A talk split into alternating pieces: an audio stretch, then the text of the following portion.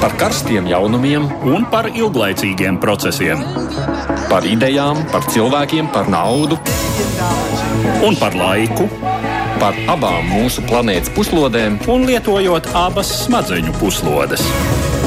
Ēterā raidījums divas puslodes. Pēc ilgāka atvaļinājuma raidījumā divas puslodes atgriežas es Aits Tomsons. Saku labdien! Un uzticīgais kolēģis Edvards Liniņš gan visu vasaru ir citīgi kalpojis mūsu klausītājiem. Sveiks, Edvards! Labdien! Un sveiks ar atgriešanos! Jā, ja nebūs, protams, kāds negaidīts pārmaiņas, turpmāk mēs darbosimies atkal kopā šajā ierastajā sastāvā. Nu, šis ir tas laiks, kad mēs ētrā uzmanību pievēršam pasaules notikumiem. Katru nedēļu mēs esam analizējuši notiekošo dažādās valstīs. Darīsim to arī turpmāk, taču reizēm mēs raidījumus veidojam citādus, un tā tas būs arī šajā reizē. Studijā būsim mēs tikai divatā, jo šīs stundas laikā mums būs daudz sazvanīšanos ar dažādām pasaules valstīm. Jā, jo šis būs tāds kā kaleidoskops par to, kā pasaulē cīnās ar pandēmiju, kas notiek ar vakcināciju, jo starp Eiropas un arī attīstītajām rietumvalstīm Latvijā mēs esam viena no tādiem lielākajiem skeptiķiem. Vakcinācija šeit buksē krietni vairāk nekā citur, bet no nu arī citās pasaules valstīs viss nav gludi. Jā, piemēram, Vācijā nedēļas nogalē protestos pret vakcinācijas pasi tika aizturēti simtiem cilvēku, un arī citviet vakcinācijas pretinieki cenšas pulcēt savējos ielās, lai paustu neapmierinātību par valdību lēmumiem. Tātad, kā jau teicām, raidījuma laikā sazvanīsim cilvēkus dažādās valstīs. Ceru, ka tas mums ļaus arī palūkoties, kāds tas noskaņojums tur valda. Kā to Edvards raksturot, pirms mēs uzklausām pirmo zvanītāju, to politiku, kā tad īstenot dažādās valstīs? Es domāju, tā politika izriet no situācijas loģikas un tiem instrumentiem, kādi ir valdību rīcībā.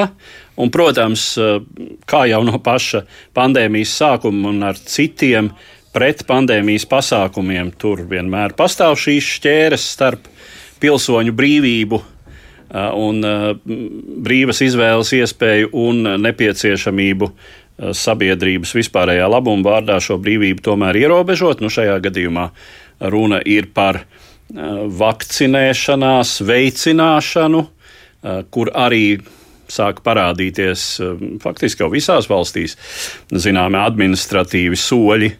Um, un, uh, Nu, ja mēs atceramies to, ko prezidents Makrons jau pirms kāda laika uzstājoties ar tādu gandrīz vai programmatisku runu, eh, Francijas prezidents Emmanuels Makrons teica, man ļoti patika viena frāze. Viņš teica, ka vakcinēšanās ir individuālas atbildības jautājums.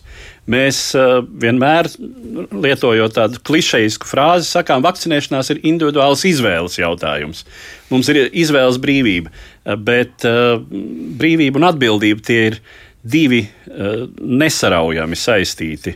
Lielumi. Mazliet jau pat ir kolektīvas atbildības, ne tikai individuāls. Ne? Nu jā, nu, bet ja tu, tu pieņem lēmumu pamatā par sevi, mm. ja?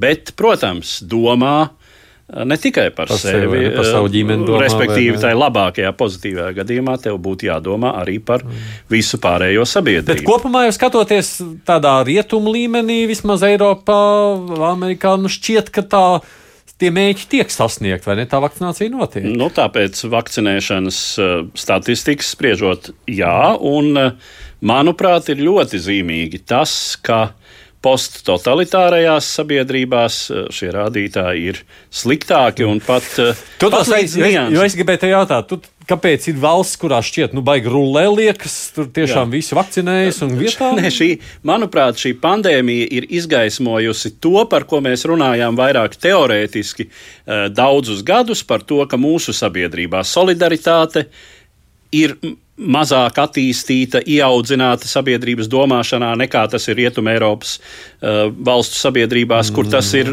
organiski uh, audzināts pilsoniskās sabiedrības attīstības procesā, uh, no kura mums bija atņemti 50 gadi. Uh, kur eh, mums ir zemākā līmenī eh, vispārējā atbildība par kaut kādu kopu un arī atbildība par sevi kā par individu. Tas, kas mūsu satversmes preambulā ir, ir ierakstīts, ka katrs ir atbildīgs pats par sevi. Šo frāzi es ļoti bieži tagad atceros, jo mēs arī paši par sevi, eh, nu, jāsaka, paši, paši ar savu dzīvību un veselību arī rīkojamies Bezatbildīgi. Bieži vien bezatbildīgi. Nu, labi, mēs skatīsimies, kāda secinājuma mums sanāks raidījuma beigās, jo man arī kaut kādas savas domas tajā veidojas. Mēs sākam to telefonisko apceļošanu pa pasauli. Mums ir pirmais zvans. Esam sazvanījuši sākumā arī šo pieminēto Vāciju. Pie klausulas ir Hamburgā dzīvojoša Alīna Aboliņa. Sveika, Alīna! Sveiks, Aidi! Čau! Vācija šajā nedēļas nogalē bija kārtībā reiz pamanām ar protesta akcijām. Tur arī aizturēti simtiem, nu, tā varētu saprast, vakcinācijas pretinieku. Tajā pašā laikā nu, tie skaitļi šķiet no Vācijas nerāda, ka tur vakcinācija ļoti bremzētos. Ir tā, ka tur sabiedrība ir sašķēlusies, ja spēj pulcēt šādas protestus, kā ir Alīna. Uh, domas ir dalītas, jo pēc statistikas skatoties, vakar bija 53% vakcinēto, šodien jau ir par 10% pakāpies vakcinēto skaits. Um, no statistikas, vērojot statistiku, šķiet, ka procesi norisinās Jā. un iet savu gaitu uz priekšu, bet uh, tomēr valdība ir diezgan neapmierināta, jo nav viss tā kā plānots. Um, protams, ir sabiedrībā vērojama arī domu dažādība, jo ir protams, arī pretinieki un sazvērnieki, kuriem vienmēr liksies, ka vakcīna ir uzspiests process. Un, uh, jā, uh, tas Vācijā nav arī citādāk. Jā, ir, ir, bet, ir nu, arī... bet mazākumā, ja to vakcinācijas pretinieku. Uh, es tieši vakar noskatījos vienu dokumentācijas fil filmu par to, par vakcīnām kā tādām un par visu to um, attīstības gaitu. Um, tas ir mazliet tāds kā uh, mans personiskais, personiskais iespējas, kad ir informācijas karš, ka šobrīd ir tik daudz dažādas informācijas, ka cilvēki ir vienkārši pārslogoti. Un tas ir savā ziņā arī izglītības līmenis, kam es izvēlos ticēt, vai es, kurai informācijai es sekoju un, un cik ļoti es tajā ieciklējos. Un, un bieži vien ir brīvdomātāji, kuri tomēr izdomā uh, iet savus ceļus, un jo vairāk viņi sev ar to informāciju baro, jo vairāk, protams, arī izvēršas tas informācijas protesti. Um, jā, Tik daudz man novērojumu. Bet, ja runājam par gaidāmo rudeni, uh, ir bažas, ka uh, atkal varētu viss vērties ciet, jo tās lasījumstības pieaug, vai tomēr, kad izdosies to vakcinācijas aptveri izveidot tādu, ka, nu, ka mm, tas slimības izplatīšanās vairs tik strauji nebūs. Nu, bažas ir ļoti pamatotas, jo teiksim, tagad, vērojot statistiku, pēc statistikas datiem, ir simts, ja, ja viss noriet pēc plāna, tad uh, valdība rēķinās ar 184 dienām, kuru laikā um, tiks visa iedzīvotāja masa Vācijā sā, uh, vakcinēta. Uh, bet ir bažas, ka uh, pēc plāna īsti nenotiks, kā viss notiek. Un, protams, arī uh, šobrīd arī dažādu uh, vīrusa paveidu attīstība arī vēl vairāk to uh, sagrūtina. Sevišķi skolās tagad sāk domāt, kas notiek, ja pieks, piemēram klasē viens skolnieks ir inficēts, jau domā par aizsargu mehānismiem, kad visu klasi izolē. Um, jā, mm -hmm principā ir ļoti lielas bažas, un valdība tiešām šobrīd domā plānu B, ko darīt, tad šis plāns netiks īstenots. Mm -hmm. Paldies, Alīna! Jā, jā. Jā. Paldies, Alīna! Alīna Aboliņa no Hamburgas. Nu, Vācija no otras puses arī ir nu, tā, nu, tur ir gan bijusi Austrumvācija, gan jā. ne, tur ir. E, es tieši nu pat e, iemetu acis e, mobilajā telefonā, jā. paskatoties statistiku, un tā statistika, ko es ātri varēju atrast par Vācijas federālajām zemēm, rāda, ka nav ļoti lielas starpības. Starp bijuši austrumu un jā, starp austrumu un rietumu pusi. Mm. Apmēram visur tie vakcinēšanās rādītāji ir līdzīgi. Mm -hmm. No nu, tajā pašā laikā redz, arī gatavojas variantam B, sakot, ja nu neizdosies, jo Vācijā laikam tāda obligātā vakcinācija šobrīd netiek apsvērta. Nu, Vācijā, kā zināms, to, tā, tā arī laikam būtu federālo zemju kompetence. Jā.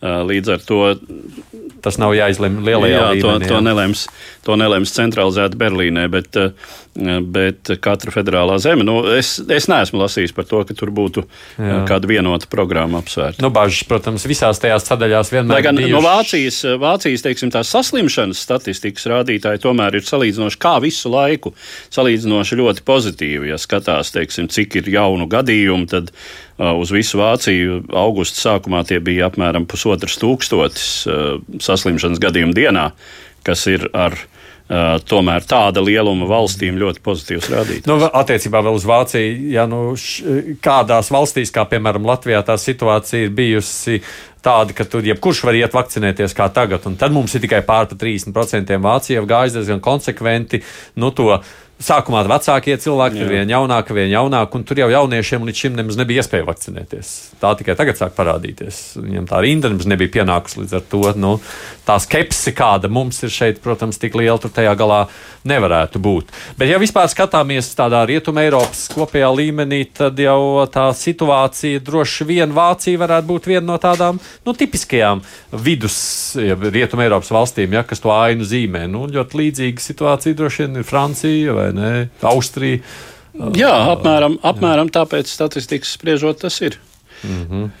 nu, jā, mēs uh, gribējām paņemt nākošo Portugālu. Šobrīd mums tur neizdodas sazvanīties, tāpēc mēs tūlītās palūkosimies, kādas iespējas ir aizceļot uz vēl kādu no citām valstīm, mazliet izbraucot ārpus Eiropas Savienības. Gan jau es domāju, mēs arī varēsim kādā brīdī nokļūt, nokļūt līdz Dienvidu Eiropai. Bet, nu, kamēr mēs esam vispār pats par sevi tādā Eiropas pusē skatoties, tad Eiropa kopumā to tempu salīdzinoši, pieņemsim, ar citiem Uh, nu, kaut kāda Austrālija vai Amerika tās ir audzējusi vairāk nekā, nekā sākotnēji tas likās bažīgi. No Eiropa jau, kā zināms, tur, tur nu īsti nevar piekrist. Eiropa jau ir vienmēr bijusi šīs vakcinēšanās procesa priekšgalā, pateicoties savam turīgumam, tam, ka Eiropa jau mm, gan nu, faktiski centralizēti ieguldīja lielus līdzekļus vakcīnu izstrādē un attiecīgi jau slēdza, no, jā, jā. slēdza šos iepriekšējos līgumus. Eiropa nekad nav izjutusi Uh, nu, ne tā, ka nekad mēs, mēs jau esam stāstījuši tur vienā brīdī, kad uh, pašos vakcinēšanas uh, sākumos AstraZeneca mm. nevarēja piegādāt Nebija, saulaicīgi plānoto vakcīnu daudzumu. Tā kā bija, šie, bija šīs problēmas, bet nu, tās tika diezgan ātri atrisināts. Tagad, kā zināms, mēs arī Uh, neizlietotās vakcīnas, vakcīnas atdāvinām tur kur, tur, kur vairāk vajag. Tas ne, savukārt Amerikas Savienotajās valstos tā vakcīna diezgan ātri bija pieejama raitos tempos, un uh, prezidents Joe Bidenis uz vakcināciju bija licis liels uzsvars. Šonadēļ parādījās tāda interesanta ziņa, kā ASV tagad salīdzinoši Eiropas Savienība mazliet vakcinācijas tempā atpaliek, un tā esat apsteigusi gan Kanādu, gan Eiropas Savienību. Esam sazinājuši ASV Jāni Kauliņu no Indianapolis. Labrīt, Kauliņkungs! Jums taču tur ir rīts, vai ne? Labrīt! Statistika rāda. Labi, jā. jā, mēs jūs labi dzirdam, patiešām. Jā. O, es jūs arī. Ļoti patīkam, patīkam jūs dzirdēt. dzirdēt. Statistika rāda, ka ASV tie vakcinācijas tempi mazliet salīdzinot ar citām valstīm netiek tik ātri līdzi. Jums ir kāds skaidrojums, kāpēc tā? Uh, nu, vairāk skaidrojumu varbūt būt ir tas, ka tomēr uh, liela daļa uh, nav vakcinējušies vēl varbūt šobrīd, kad tomēr nogaida un īsti, īsti nav, nav varbūt tāda drošība par to, vai tas patiešām palīdz simtprocentīgi, jo šobrīd atgriežas tie citi varianti un tie cilvēki, tieši, kuri jau ir vakcinēti, atkal uzrāda pozitīvus, teiksim, tos tos Tests, um, jā, jā, jā, jā, testus. Jā. Tā kā um, ir, ir liela daļa tajā, un um, citu ādas krāsu pašā sākumā tieši, kad iesākās tas vīrus, kad citu ādas krāsu cilvēki tieši slimoja vairāk. Es, es teiktu, es atvainojos melnētāji no cilvēku krāsas. Bija tieši saslimstība vairāk proporcionāli pret, pret citām e, tautībām jā, un krāsām. Jā. Bet Šobrīd tieši ir atkal interesanti, ka apmēram Ņujorkā pat šobrīd 60 vai 70% tieši um, šīs krāsas cilvēki vēl nav vakcinējušies, kuriem faktiski varbūt būtu vajadzīgs būt vairāk tieši vakcinētiem, jo tieši viņu, viņu kategorijā bija tā saslimstība lielāka un mirstība lielāka proporcionāli. Teiksim. Kas nozīmē, ka viņi arī varētu teikt, tā, ka melnādainie un baltādainie dzīvo dažādās informācijas telpās? Nē, visi dzīvo vienādās, bet es domāju, viņi ir arī diezgan piesardzīgi pret to. Un vairāk es uzsvēru to, ka diemžēl šī lieta jāsliek drusku vairāk tomēr ar politiku. Patīk mums vai nē, ir ļoti politizēts. Ļoti, ļoti politizēts. Un, un es domāju, tā spiešana uz to, un šobrīd arī tāda cilvēku sadalīšana dažādās kategorijās līdz ar caur, caur to špricēšanos vai vakcinēšanos.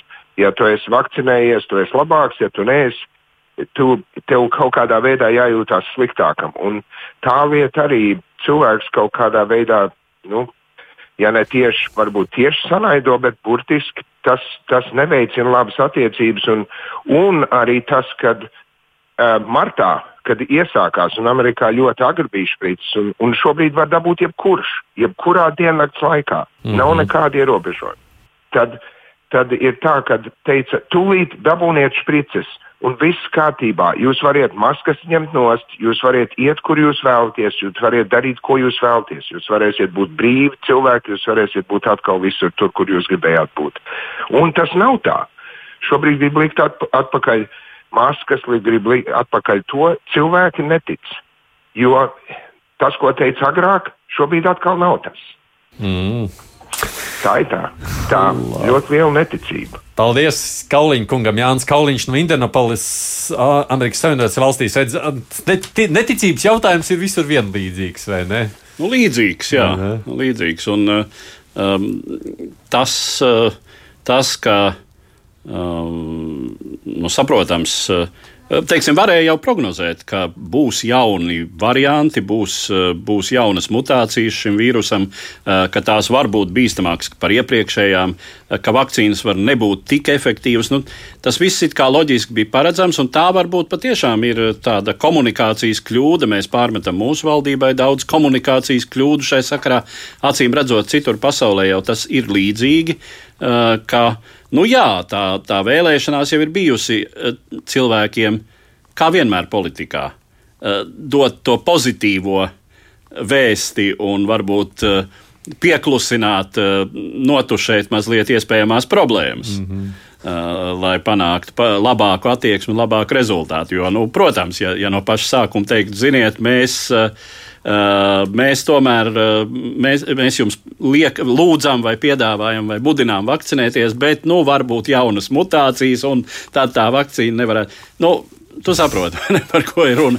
Um, un es, es domāju, ka skatītāji, arī, klausītāji arī saprot uh, šo situāciju. Uh, nu, katrā ziņā, teiksim, valdību komunikācijas uh, zināms netālredzīgums nu, tas tomēr nav tas arguments, ar kuru vajadzētu, kur vajadzētu izvirzīt kā izšķirošu. Jā, bet no otras izvēlē. puses, liekas, nu kā pēc idejas jau vakcinācijas jautājumam bija jābūt nevis par to, nu, jums nedosiet tādu ierobežojumu vai tādus, tad, nu, tad mēs vairs nu, ne. Ar, tas arī... jau bija jābūt veselības jautājumam, saslimst vai ne, bet šajā aspektā vairs nemaz diskusija nenotiek, liekas noticējām vai nenoticējām. Vai tur tāda informācija vai šāda informācija, vai vakcīna šāda vai tāda? Jā, tas, es domāju, tas arī pierādās, ka uh, šī uh, šī komunikācija, ka mēs to darām tāpēc, lai mums būtu atkal normāla dzīve. Ja? Jā. Nu, tā, tā ir izrādījusies diezgan neproduktīva, jo, jo jebkurš Uh, jebkura nobīde, teiksim, kā jauns, jauna vīrusu mut, mutācija, kas uh, izrādās uh, spēcīgāka un, un nav ar šo vakcīnu tik ļoti tik viegli apkarojama, ļoti viegli sagrauj šāda veida komunikāciju. Ja? Nu, kā mēs dzirdējām, mums atkal tomēr būs jāvel, jāvelk maskas, tad kāpēc pie joda vispār mums vajag šo jūsu vakcīnu? Mm. Uh, un, uh, nu, tomēr, tomēr es domāju, ka tie mm, atbildīguma uh, un pareizās izvēles kopēja labuma vārdā kritēriji un vēstījumi, nu, tie būtu ar tiem, tie, uh, tie ar kuriem uh, būtu primāri jābūt. No, nu, labi, aprunāsimies ar kādu valsti, kur vakcinācija šķiet ir ritējusi krietni raitāk nekā citu vietā ir Lielbritānija. Pēters Krišāns ir pieklausulis. Labdien, Pēteri! Vai jūs man dzirdat? Halo, Pēteri! Halo! Jā, labdien! Skatoties uz Lielbritāniju un vakcināciju, cik daudz jums ir tāds vakcinēto cilvēku Lielbritānijā? Um, Atvainojiet, vēlreiz. Jā, es jautāju, es jautāju, cik daudz cilvēku šobrīd ir vakcinējušies Lielbritānijā, skatoties uz skaitļiem. Tātad skaitļi pēdējie ir, tad uh, 70% ir saņēmuši vismaz, vismaz vienu vakcīnu. Un, uh, apmēram 58% ir saņēmuši divas vakcīnas. Un tā vakcinācija joprojām iet raiti uz priekšu, ar vien vairāk un vairāk vakcinējas. Diemžēl nē, un šeit ir tā problēma, ar ko šobrīd Lielbritānija saskarās diezgan akūti. Ir tā grupa, praktiski jaunieši no 18 līdz 29 gadiem. Šī grupa vakcinācija faktiski apstājusies šajā grupā. Un, protams, speciālistiem ir dažāds iemesls. Vasara un jaunieši nekoncentrējās uz to, un, vai jaunieši mazāk uztraukušies par varbūt potenciālajām sekām. Bet problēma ir arī tāda, ka nu, praktiski delta vīrus, kas ir šobrīd dominējošais Lielbritānijā, ir arī krietni aktīvāks jaunāku cilvēku vidū. Tas gan nav izpaudies, eh, teiksim, nāves skaits ir jūtams samazināts, un varbūt tā ir kļuvusi par mazāku problēmu, ka cilvēki mirst, bet vairāk uztraucās par ilgtermiņa ietekmi uz jauniešu tiesu veselību. Un, un, un, un, un liela problēmas, piemēram, par smadzeņu ietekmēšanu, tam līdzīgām lietām. Tā ir long covid, jeb garais covid, ir kļuvis krietni svarīgāks temats. Uh, un, uh, jā, vismaz ceturdaļa no slimnīcā esošiem ir no 18 līdz 25 gadu veci jaunieši. Un, jā, šī valdība meklē dažādus veidus, kā uzrunāt šos jauniešus, kādā veidā popularizēt vakcinēšanos viņu, vidū. Ir tomēr neliela cerība, ka varbūt rudenī būs krietni aktīvāk, jo jauniešiem iespējams tiešām vasaras vidus nav tas vakcinā, vakcinēšanās, nav tas mīļākais temats. Teiksim, viņi grib izbaudīt vasaru, bet par to domāt. Bet, Eh, jā, vakcinēšanās teiksim, apjomi ir diezgan strauji samazinājušies. Un, uh, Eh, un, un šobrīd, bet arī pat ar to visu jauniešu vidū tas ir apmēram 60% vakcinēto. Tā kā salīdzinot ar citām valstīm, tas joprojām ir ļoti augsts. Nu jā, mēs jau eh, skatāmies uz jums, un vienalga liekas, kur tad mums 70%, 60% jauniešu vidū. Tas liekas nesasniedzams skaitlis no Latvijas puses šobrīd tāda sajūta. Bet tā, tās sazvērstības teorijas, ja tās sakot, nu, tās vakcīnas ārprāts nogalina un tam līdzīgi, un eksperimentālais, tas jauniešu vidū nav izplatīts tā kā tas ir, piemēram, Latvijā? Nē, tas, ja, kā, kā vienmēr ir jāskatās kontekstā, kāda, kāda vei, kādā veidā i, i, sabiedrība ir izglītota par veselības jautājumiem. Un jaunieši ir ļoti izglītoti par veselības jautājumiem. Tas ir vairāk vai mazāk attieksmes jautājums. Diezgan daudz jauniešu vienkārši tiešām, tā, tas varētu būt diezgan nozīmīgs vasaras faktors, jo uh, nu, daudz jauniešu domā, ka nu, vakcinēšanās viņus, teiksim, varbūt pamatot vai nē, teiksim, pāris dienas viņi nevarēs nekur doties, nekur, piemēram, draugiem doties. Teiksim, tas, tas viņus vairāk, man liekas, tīri praktiski iemesli satrauc nekā dezinformācijas apjoms. Dezinformācija vairāk skan, skar uh, minoritāšu grupas, arī austrumēropiešus. Teiksim, tajās grupās ir, ir krietni mazāks tas vidējais rādītājs, cik ir vakcinējušies. Jo, nu, tur, diemžēl, tie informācijas avoti ir tādi ļoti līdzīgi tiem, kur, kurus mēs, kur, kur Latvijā tiek saņemti attiecībā par dezinformāciju par vakcīnām. Bet tā kopumā jauniešu vidū tas, tas man liekas, tā dezinformācija spēlē krietni mazāku lomu, kā drīzāk doma par to, ka viņi ir varētu būt vairāk aizsargāti, nu, teiksim, mazāk nu, tādas nāves draudi un, un tam līdzīgi, bet eh, teiksim, vairāk varbūt viņiem ar viņiem vairāk jārunā par to, par to atbildību, par, par to, ka uh, izvairīšanos no tādām nepatīkamām sekām, no invaliditātes, piemēram. Un, un to šobrīd cenšas arī valdība mainīt šo paziņojumu, jo teiksim, vecāku cilvēku vidū vakcinēšanās tas ir tiešām tā vakcinējies un nodrošina to, ka nu, kad iespējams tas glābs e, viņu dzīvību, tad jauniešu vidū tur bija šī savādāk. No, jā, jābūt tādā attieksmē. Paldies, Pēters Krišāns, Lielbritānijā. Nu, redz, interesanti. Ja, ja vēl vācieni saka, ka viņi cīnās ar dezinformāciju, tad Britiem jau pašiem Tas nav aktuāls jautājums. Nu, kā mēs redzam, tad ir jau Britu tie, sabiedrības daļa. Tie, kas, tie, kas no Latvijas aizbrauc. nu, un no citām austrumu bloka. Un droši vien, kā, nu, droši vien, kā iebraucēji arī no uh, ārpus Eiropas, uh, teorētiski arī ir, ir pakļauti varbūt. Uh, un tur varētu būt zinām paralēli arī ar. Uh, melnādaino kopienu Amerikā, ko mēs arī dzirdējām. Mm. Kad nu, šajā kopienā citāda, citāda informācija, citādi uh, šie teiksim, informācijas burbuļi un avoti, uh, kur, ir, kur ir drusku cita attieksme pret uh, zinātnē. Jā, un es vēl pabeidzot vēl par to jauniešiem. Interesanti, nu 60% redz uztrauc. Mums jau, man liekas, priekš jauniešiem jau 60% jau ir vakcinējušies. Tas jau ir liels skaitlis, vai ne? Jo jaunieši jau vispār, nu tā kā vieglāk uztver pasauli. Nu, jā, nu viņiem arī ir zināms faktisks pamats, jo patiešām līdz šim šī kaite skāra jaunus veselīgus cilvēkus mazāk, bet uh, nu, mēs redzam, ka arī teiksim, rodas jaunas mutācijas, un, un no agrāko pandēmiju, kaut vai no tās pašas spāņu gripas pieredzes, ja mēs zinām, ka, ka šīs mutācijas mēdz arī mainīt savu agresivitāti vecuma grupās. No vienu no Dienvidu Eiropas valstīm mums ir izdevies šobrīd sazvanīt dr. Lilita Cukuru no Portugāles. Es ceru, mūs dzird. Labdien! Labdien! Portugāla jau gan savukārt ir viena no tām valstīm, kas, starp citu, vēl nesen nonāca uzmanības lokā ar šo saslimušo skaitu pieaugumu, jauniem tur ierobežojumiem. Kāda ir tagad tā situācija Portugālē? Uh, nu, sas, saslimstība drusku mazinās, bet. Um, un tiešām slimo vairāk jaunieši. Un, uh, halo? Jūs jā, tur bija kaut kāda signāla pa vidu, jā, mazliet, jā, bet runājiet, runājiet, mēģināsim saklausīt jūs. Tagad dzirdiet? Jā, jā, tur kaut kas pīks tik pa brītņam pa vidu. Jā. jā. Sakiet, bet ar vakcināciju kā arī lietas? Nu, vakcinācija eh, sevišķi senī zonā, kur es dzīvoju, cilvēki ir ļoti apzinīgi. Viņi, viņi lepojas ar to, ka viņi jau ir vakcinēti um, vakcinācija notiek ļoti labi organizēta. Nu, vienmēr ir izņēmumi, bet pamatā ir ļoti labi organizēta. Ir mazās pilsētiņas, kur ir 70% cilvēku jau vakcinēti. Tā, tagad sāk vakcinēt arī, arī pusauģus un, un, un drīz sāks vakcinēt bērnus. Mm -hmm. bērns, bērns vakcinē tiem, kuriem ir kādas blakus slimības. Tā kā šajā ziņā viss iet ļoti labi un ļoti cerīgi, un es ceru, ka šis uzliesmojums arī kaut, kaut kad beigsies.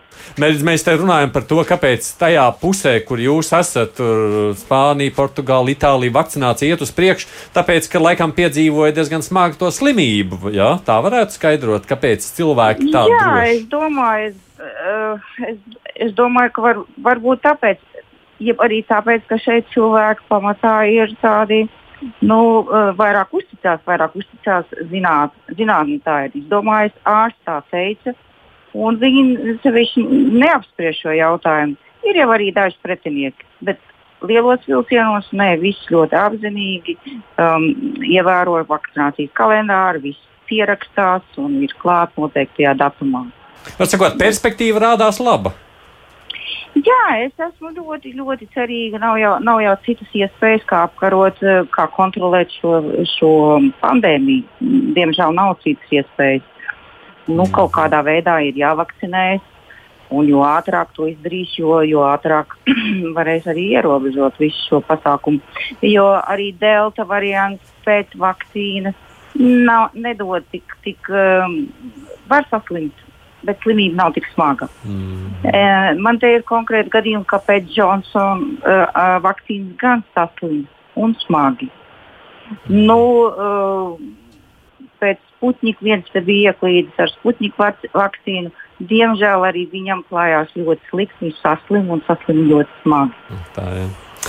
Paldies, doktor Lilita Sukure, kas ir Portugālē. Viņa ģimenes ārste, ja viņa ļoti labi zina to situāciju. Bet tad tā Dienvidu Eiropa rulē tādā ziņā. Tur izskatās, viss būs tur nešaubās par vakcīnu vajadzību. Nu, man liekas, tur tiešām, kā tu ļoti pareizi arī atzīmēji, tas pirmais pandēmijas vilnis, kas skāra tieši Eiropas dienvidus vissmagāk, sākoties Itālijā, pēc tam pārmetoties uz Pireneju pussalu, tas ir cilvēkiem licis noprast, ka tas nav pa jokam. No. Nu, tur tas varētu būt, bet arī, protams, tā vispārējā aina. Mm, kur es atkārtošos. Šeit parādās vispārējās attiecības starp eh, sabiedrību un eh, valsts varu, cik lielā mērā tā savstarpējā uzticēšanās uh, ir, ir vai nav. Un, un, tā, un tā neusticēšanās vakcīnām, manuprāt, ir tieši proporcionāla uh, mūsu sabiedrībās pastāvošajai arī um, distancētībai, neusticēšanās. Uh, um, skepsei pret, uh, pret valsts institūcijām, pret valsti kā kā faktoru. Nu, ne pret medicīnu, pret zinātni, bet reiz mēs esam uh, runājam ne tikai par Eiropu, bet par pasauli. Ir vērts pievērsties vienai valstī, kas gan ir bijis pamanāma ar to, ka tur vispār, piemēram, valsts vadītājs ļoti pavirši bijis pret vakcināciju, ja tā to var nosaukt. Runa par Brazīliju. Jo Brazīlija vispār šajā gadā daudz aprunāta Covid kontekstā. Nu, lūk, tad nu, mūsu šīs dienas raidījuma producentei izdevās aprunāties ar Evitu Graudiņu Asilvu, kas dzīvo Brazīlijā. Tur dzirdēsim, ir pavisam cits noskaņojums. Paklausīsimies šo sarunu. Mums arī tāpat tās ierobežojumu nav. Praktiski vairs nekādu, viss ir atcelts, vismaz San Paulo, laikam ar šo nedēļu atcēla. No tā mums te iet. tā ka it kā viss normāli. Vienīgais tas, tik, cik maskas ir jāveikalos tur, jā, un tur, tur, kur tu ej visur iekšā, ja visādos tur tirzniecības centros un tā tālāk, jā, bet uz ielām praktiski cilvēki nenēsā. Un ar potēm ir tā, kā ir, jā. Kā nu kurš, kurš vēl, vēlās iet potējās, kurš nevēlās? Nē, es arī pieņemsim. Vismaz patreiz netaisos to darīt. Ja. Tik daudz tās ažiotāžas un tik daudz visādi runu un visa kā. Es esmu, kā saka, nogaidīšanas periodā un, un neskrienu. Neskatoties, ka daudz no ģimenes ir sapotējušies, no šī, šejienes ģimenes, jā, tā, tā es domāju. Es domāju, ka nu, cilvēkiem nevajag izmēģināt vakcīnu, kur tu nezini, kāds ir rezultāts Vismaz tas ir mans personīgais viedoklis. Esmu nogaidīšanas, saka, periodā. Man jau liekas, ka nu, tas pats galvenais nav dzīvē, patusēt, jā. kaut kur paceļot un tā tālāk, tāda viltus ilūzija. Un ir cilvēki, jā, kas šeit protestē pret potēm, protestē pret ierobežojumiem, un, un ir otri atkal, kas, kas saka, kā saka, pieprasa vakcīnas, tā kā divi poli. Saslimstība stipri mazinājusies. Ir jau, protams, eh, visādi, jā, ja, var ticēt visiem tiem datiem. Katrā štatā ir savs, un es par citiem štatiem īpaši nezinu. Jā. Tā ir mierīgi, ja, un, un noturēt tāpat tās cilvēks mājās, eh, kur, kā saka, tu nevari nopelnīt, un tu nevari darbā strādāt, jā. Nu, nenoturēs tāpat tās. Nu, pagaidām neliek, nav, nav obligātā, jā, un, eh, un Patreiz ir tā, kurš vēlās tas iet, jā, nu redzēsim, kā būs tālāk ar visu to, to cirku. Jā. Bet nu, patreiz it kā nav tā, tā, tā kā es dzirdēju, jau Latvijā, jā, kad gribot piespiedu kārtā. Nu, jā, tie ir kādas viņas, nu, cilvēki, kas tur strādā un tur veselības jomā, jā, un tur varbūt vairāk ar tautu, jā, un kas paši tur grib, lai viņus tur visus potē, nu, tad tur viņus arī, kā saka, potē, jā kurš, kurš tur izvēlās nu, tās darb, darbinieku grupas. Bet tā, ka būtu saka, tas obligātais, es neko neesmu tādu dzirdējis. Valdības nostāja, nu, mūsu pats prezidents, viņš pirmkārt ir pret obligāto potēšanu. Pašam cilvēkam ir brīva izvēle, ja, darīt ar savu veselību, kā viņš uzskata, nevis tā, kā kāds uzspiest grib. Ja, tā vismaz cik nu, viņš tur runāja, kaut gan viņi īpaši pie pilna prāta neuzskatīja ļoti daudz politiķu un tauta, bet nu, tāda ir viņa nostāja. Ja. Nav nekā tik šausmīga, kā ceļ paniku, ja, un, un, un saka, ka nu, tagad visi mirst, un vēl nezinu, kas nē, tā nav. Par trešo vilni es kaut kā nesmu dzirdējis. Vismaz pagaidām nerunājām par to trešo vilni kā tādu. Nu, ir diezgan daudz, kas domā, jā. Tā kā es zinu, daudzi neatklājās un daudzi nerunā, jo viedokļi ir dažādi. Tāpēc cilvēki nu, savā ziņā klusēja. Bet, nu, kas ir draugu grupās, un tā saprot, ka ir diezgan daudz cilvēku, kas arī tā domā, ja, un, un, un uh, nesteidzās, ne, kā, kā saka, nekur potēties, ja tikai tāpēc, ka runāja un runā, un visiem grib iedvest tās lielās bailes. Bailes ir ļoti spēcīgs ierocis, ar kuru var manipulēt par, par un pret, pret jebko un par, par, par kaut ko. Jā. Es saku, es saku, es zinu, jā, kad ir daudz cilvēku, kas tiešām neparakstās un neparakstīsies uz to, vai atkal, kas ir tādā nogaida pozīcijā, ja tāda nostāja, ka, nu, paskatīsimies, kā būs tālāk, ja, un, un kas būs ar tiem, kas ir sapotējušies, ja, un, un kā tas viss virzīsies tālāk. Divas puslodes! Nu, tā Evita Graudiņa Silva, nu, redz, Brazīlijā. Tur, tur mēs visādas ainas redzam, televīzijas ainās, skatos, bet nu, redz, cilvēki tikpat skeptiski pret vakcīnām. Nu, šis tāds konkrēts gadījums, jā, konkrēts cilvēks. Lai gan, nu, jā, nenoliedzam, un nu, Brazīlija tā tā arī ir salīdzinoši arī, teiksim, interesanta sabiedrība tā ziņā, ka nu, lūk, prezidents, kurš, par kuru daudziem šķiet, ka viņam ar to domāšanu ir tādas īpatnības, vai ne? Uh, Loreta Bērziņa. Saka, ka jā, nervozi, jā, nervozi jā, ka, ka nākošo jau uzklaus mums jā. cilvēki. Jā, jo īstenībā vēl viena valsts, kurai īpaši daudz tā tiek pievērsta uzmanība šajās dienās, ir saprotama, jo tur. Covid laikā tā, protams, riskēja, jo notiek tādas pasaules mēroga spēles kā Olimpiskās spēles. Um, tas arī prasa savu cenu, jo mediji ziņo, ka saslimšana Japānā strauji pieaug. Mēs esam Japānu sazvanījuši vietējo Daiki Horiguchi, kurš iemācījies Japānā latviešu valodu. Labdien, Daiki! Prieks jūs atkal dzirdēt! Labdien! Kāda ir tā pašreizējā situācija ar Covid jums Japānā? Uh, diemžēl uh, vispārīgi saslimstība pieaug, uh, varbūt ar delta filmā vīrusa izplatīšanu.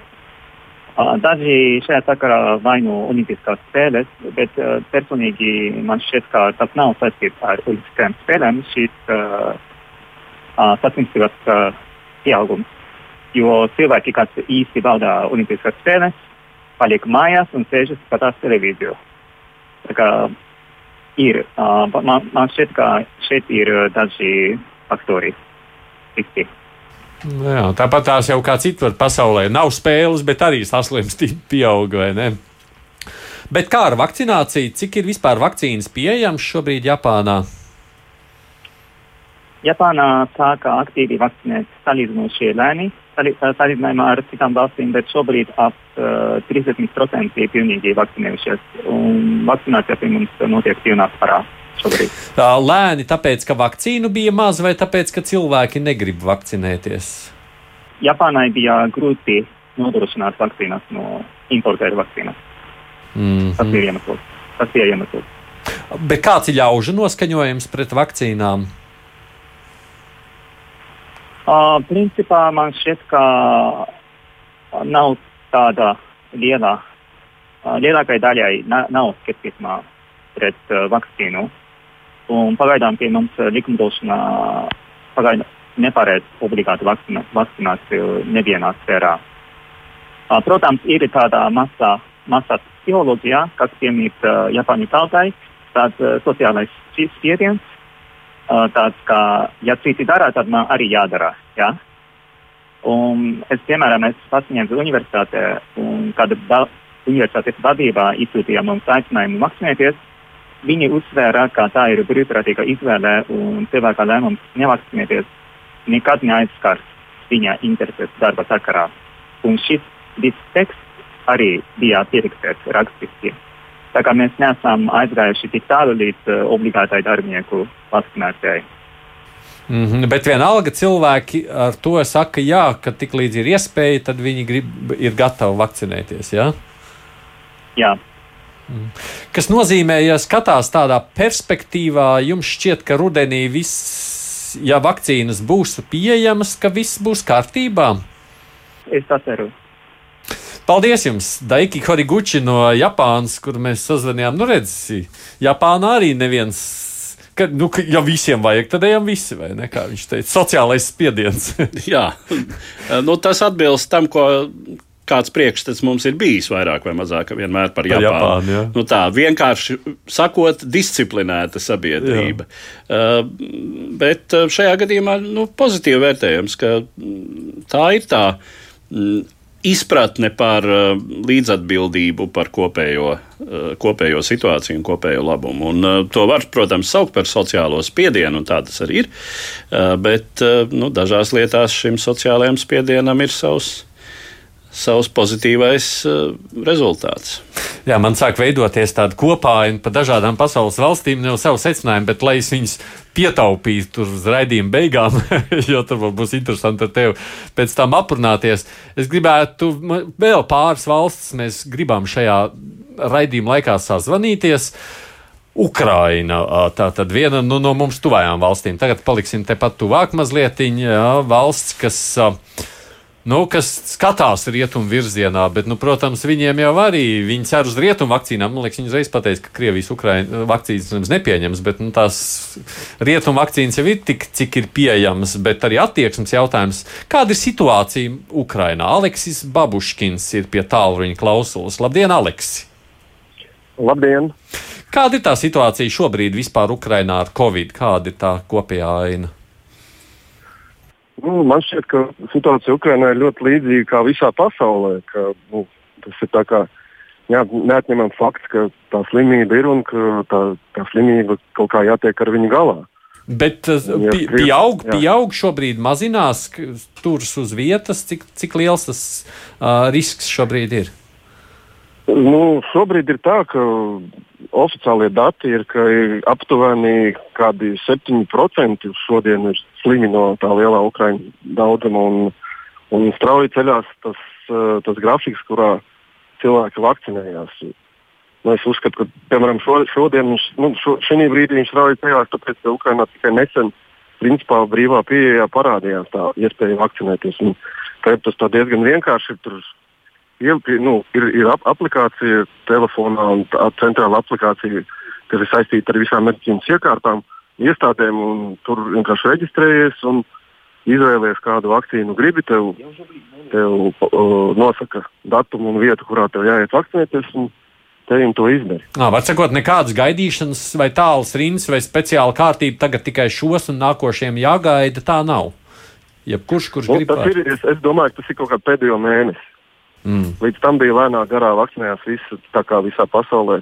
Sāka no vecākiem cilvēkiem, no medicīnas iestādēm, no, uh, no policistu un citu, tie, kas nu, apkalpo teikt, mūsu vai ne.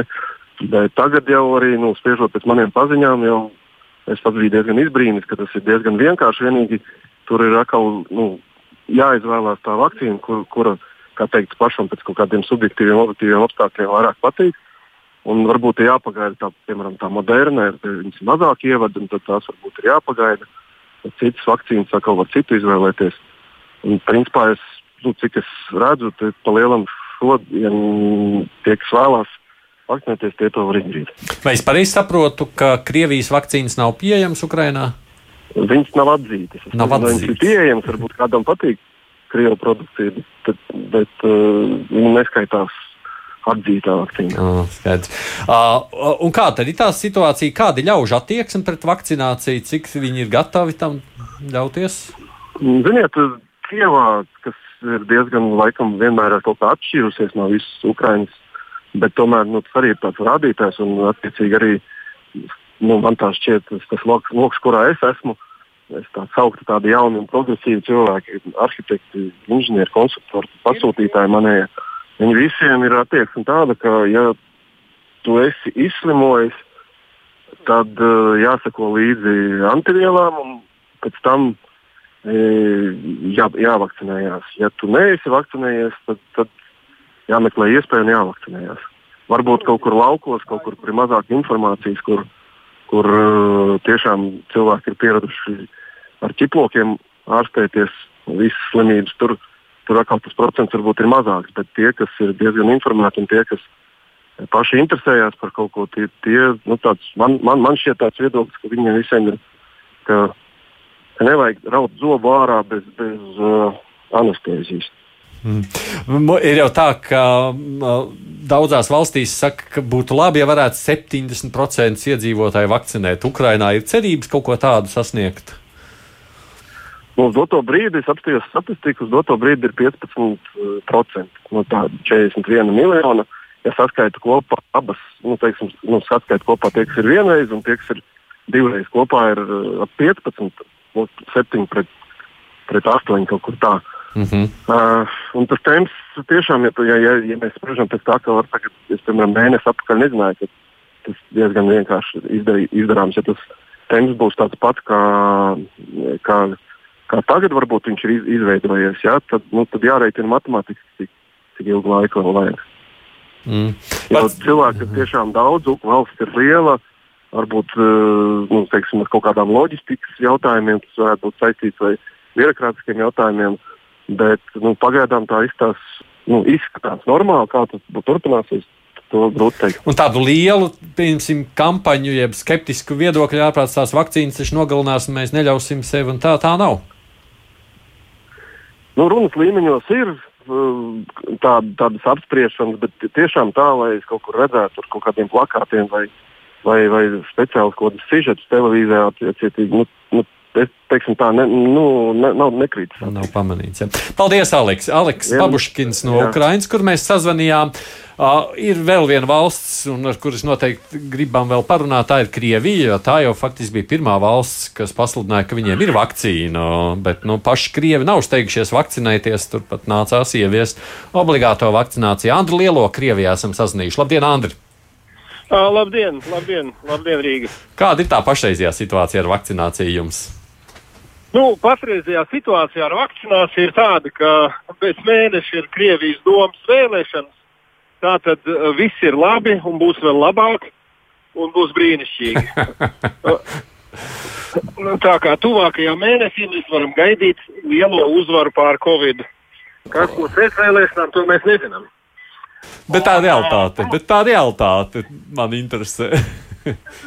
nu, re, realitāte. realitāte ir tāda, ka, ka Krievija attiecās pret briesmām, kā teiksim, kādreiz mašīnās pret piesprādzēšanos ar drošības jostām. Nu, kamēr policis tev nav noķēris, tikmēr tu nepiesprādzējies. Vai ne? Jeb, jeb, jeb iebāz vienkārši tajā, tajā sprādzēšanās vietā kaut kādu daiktu, lai, lai, lai, lai tā mašīna netīks. Nu, diemžēl tā tas ir, ka kamēr cilvēkus uh, obligāti brīvprātīgi nevakcinē, tikmēr viņi par to nelieks nezinis. Viss vis, vis, tāda. Mm, likuma paklausīgākā daļa ir pensionāri, kas visi ir, teiksim, arī manas sievas māte un paziņas. Tie, kas sēž mājās, tie, kas vismazāk apdraudēti ir, vai ne, tie ir vakcinējušies. Un, un ir likuma paklausīgi, tāpat kā viņi arī pirmie, kas samaksā par visiem komunāliem maksājumiem.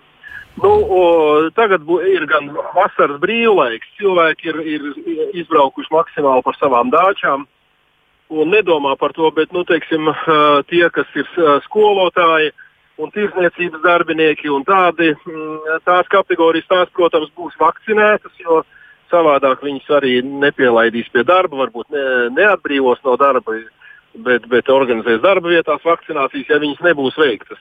Nu tā, cik es varu spriest pēc uh, situācijas Maskavā, uh, tad Maskavas mērs ir atvieglojis noteikumus. Gan restorānus var apmeklēt bez jebkādiem QR kodiem vai vakcinācijas pasēm.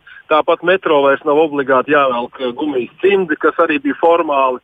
Netiek tvarstīšana uz ielām, kā bija kādreiz, vai ne, un nenāk lielie sodi par, par iebraukšanu no, no Piemaskavas ar mašīnām. Tā kā situācija ir nomierinājusies un faktiski nejūt tā, tādu uh, lielu vilni. Galvenais, galvenais uh, valdības uh, Eh, teiksim, galvas sāpes, ir uh, normalizēt cenas uh, veikalos. Jo, jo nu, kas ir neapstrīdams, tas, ka vairāk kā divas reizes pēdējā gada laikā ir audzis nu, pārtiks produktiem cenas, kartupeļiem, burkāniem.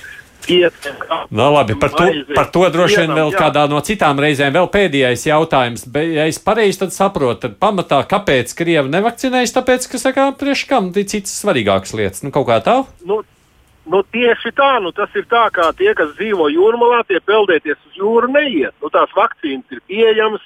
Uh, un, un, un jebkurā brīdī, ja tev, ja tev kāds prasīs, nu, tu teiksi, es rīt aiziešu un novakcinēšos. Tā vairs nav problēma. Ja, ja, ja, ja tas būtu deficīts, tad cilvēks augtu, bet, bet tagad tas vairs nav deficīts. Tāpēc visiem liekas, ka tas ir nu, vai dieviņās. Tas vairs nav nekāds, uh, nekāda liela brēka. Nav. Mm. Un, un arī nav tāda situācija, ka būtu uh, slimnīcas pārpildītas. Es saprotu, starptautiski Krievijas sarkanajā zonā, bet iekšpusē situācija ir diezgan mierīga. Diezgan mierīga. Mm. Labi, paldies, Andri. Andris Lielais, Krievijā, kur mēs sazvanījām. Nu, lūk, tāds apskats pa visām valstīm. Kā tu izdarīsi kopsecinājumu no šī visa, ko mēs esam dzirdējuši? Astoņas valstis esam šodien apzvanījuši. Nu, valstis ir ļoti dažādas, lai gan tā vispārīgā Uh, aina jau mums uh, kaut kur parādās visos, gan šais sarunās, gan, gan arī statistikas rādītājos, proti, tomēr tās valstis, par kurām mums ir bijis priekšstats, ka tur ir sakārtota medicīnas sistēma un salīdzinoši arī sakārtotākā um, organizētāka sabiedrība. Izglītotāka. Nu, droši vien jāsaka arī izglītotāka savā ziņā, nerunājot par uh, visiem izglītības aspektiem, bet tieši par tām pareizajām sociālajām iemaņām, kuras acīm redzot dod izglītības sistēma. Un tāda, attiecīgi tādas valstis kā Japāna, Vācija, Lielbritānija. arī Lielbritānija, nu, tur šie uh, tur saslimstības rādītāji dažviet ir salīdzinoši augsti. Nu, tā pašā Japānā pašreiz ja, uh, ir apmēram uh, ap 10 tūkstoši dienā uh, konstatēti, bet nāves gadījumu skaits uz tiem ir daži zem desmit. Ja, uh, kas, uh, kas nozīmē, ka, nu, protams, šī vakcīna ir arī pie lielas saslimšanas, uh, tomēr ar, uh, ar savu vajadzīgo efektivitāti uh, slimības smaguma ziņā. Un, nu, un tad ir citas sabiedrības, kur ir lielāka viedokļu izkliede, kur cilvēki uh, ir tendēti domāt atšķirīgi un varbūt pat izjūt tādu nepieciešamību, domāt atšķirīgi kā tas, ko saka valdība. Tas ir tāds fenomens, kur es domāju, mēs mm, arī diezgan labi saprotam. Un, kur ir, ir ilga un, un krāšņa politiskā vēsture. Kāpēc tas tā ir? Nu, tur arī rezultāti ir drusku citādi. Jā, gan statistikā, gan, gan varbūt arī konkrētu cilvēku attieksmē un, nu, nedod Dievs, arī likteņos. Jā, jā bet, nu, redz, tas. Uh, Uh, Latvijā mēs esam kaut kur tomēr savā domāšanā itin tuvu pie šīs Krievijas. Jā, mēs joprojām esam salīdzinoši tuvu. Un uh, te mēs redzam, ka tādi konkrēti uh, um, konkrētas pārbīdes ģeopolitiskajā telpā, tad nu, mēs esam tomēr Eiropas Savienība, mēs esam NATO, bet uh, domāšanas ievirze. Uh, kategorijas, kādās mēs domājam un pieņemam lēmumus, uh, nu, šī pandēmija ir atklājusi, manuprāt, uh, kā nekas cits. Lai gan tās, tās konsekvences, nu, nevelti Andris no Maskavas, Andris Lielais piesauc piesprādzēšanos, braukšanu uh, reibumā un tā tālāk, kur arī šī statistika mūs izceļ pret uh, Rietumē Eiropas valstīm. Nu, tā vēl tāda Brazīlija, kurā, kā redzēja, tā tad trešās pasaules sadaļa vēl, kur arī tā uztvere ir citāda. Nu, jā, nu, kur uztvere ir, ir uh, arī dažāda, kur uh, Un, teiksim, kur valsts galva īpatnēji uzvedās, lai gan nu, mēs redzējām, ka Amerikas Savienotajās valstīs valsts galva arī īpatnēji uzvedās pirms kāda laika, proti, prezidents Trumps. Tā jau ir tā aina raibāka mazliet. Un, un aina, un aina ir, ir mazliet raibāka, jā. Nu, kā, teiksim, visa sabiedrība ir ir raibāka, un mēs jau daudz esam runājuši par Savienoto valstu atšķirībām sociālajos slāņos, segmentos, tā skaitā tajos, kas ir ats, ats, atšķirīgas rases un tāpat sociālās grupas un tīri geogrāfiski jā, krasti, kur pamatā balso par demokrātiem. Un šķiet, arī vakcinēšanās statistika krastos ir, ir mazliet labāka nekā centrālajos štatos. Nu, pabeidzot mūsu raidījumu, ko man jāsacina, ja? mēs gribam visu tā kā rietumos, Bet, Jā. ne, ne, bet ne līdz galam. nē, nē, mēs, mēs gribam, mēs gribam reizumis uzvesties kā nekā rietumos īsti. Bet tā kā mums šķiet pareizi un apliecināt to, ka mēs, mēs varbūt esam gudrāki nekā tie tur, bet tos rezultātus mēs tā kā sagaidām, ka tie būs, tie būs tomēr tādi kā, tādi kā rietumos. Nu, Tā nu tas ir. Jā. Paldies! Es saku, protams, lielu paldies uh, producentei Loritai Bērziņai, kas mums šoreiz organizēja visu šo lielo kaleidoskopu. Viņai liels darbs. Studijā bijām mēs, Edvards Liniņš, Aits Tomsons. Paldies! Nākamreiz noteikti atkal runāsim par citām arī politiskām aktualitātēm. Noteikti būs jārunā par notiekošā Baltkrieviju, kas ir pievērsusi sev daudz uzmanības. Un tad jau redzēsim, kas vēl būs aktuāls. Tiekamies mēs atkal šeit pēc nedēļas. Divas puslodes!